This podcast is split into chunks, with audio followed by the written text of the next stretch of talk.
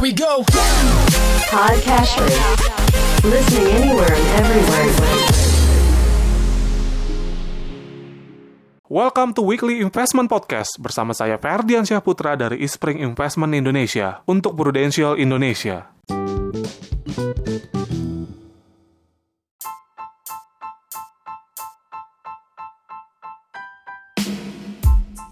Pada tanggal 10 November 2022 yang lalu, data yang telah ditunggu-tunggu oleh para pelaku pasar di seluruh dunia akhirnya diumumkan. Data yang sangat ditunggu tersebut adalah data angka inflasi di Amerika Serikat yang sejak tahun lalu meningkat tajam. Namun, pada pengumuman kali ini, angka inflasi di Amerika Serikat untuk bulan Oktober 2022 merupakan angka terendah sejak awal tahun, yaitu 7,7 persen secara tahunan. Secara rinci, inflasi makanan mencapai 0,6 persen dibandingkan bulan sebelumnya dan sebesar 10,9 persen dibandingkan tahun sebelumnya pada Oktober 2022. Sementara itu, inflasi energi mencapai 1,8 persen dibandingkan bulan sebelumnya dan sebesar 17,6 persen dibandingkan tahun sebelumnya pada bulan Oktober 2022 yang lalu. Sebelumnya, angka inflasi Amerika Serikat sempat mencapai tingkat tertingginya dalam beberapa dekade terakhir yang disebabkan naiknya berbagai macam harga komoditas seperti energi dan pangan secara global yang salah satu penyebab utamanya akibat invasi Rusia ke Ukraina. Akibat invasi tersebut, pasokan komoditas energi dan pangan dunia terganggu sehingga memantik kenaikan harga. Konsekuensi dari meningkatnya angka inflasi di Amerika Serikat ini membuat Bank Sentral Amerika Serikat yaitu The Federal Reserve atau The Fed mengambil langkah dengan menaikkan suku bunga secara agresif. Hal ini memberikan dampak negatif terhadap pergerakan instrumen investasi pasar modal, baik saham maupun obligasi yang cukup tertekan dari dampak kenaikan suku bunga ini. Dampaknya tidak hanya terasa di Amerika Serikat, namun juga di berbagai negara di dunia, termasuk di Indonesia, yang juga turut merasakan fluktuasi yang cukup tinggi di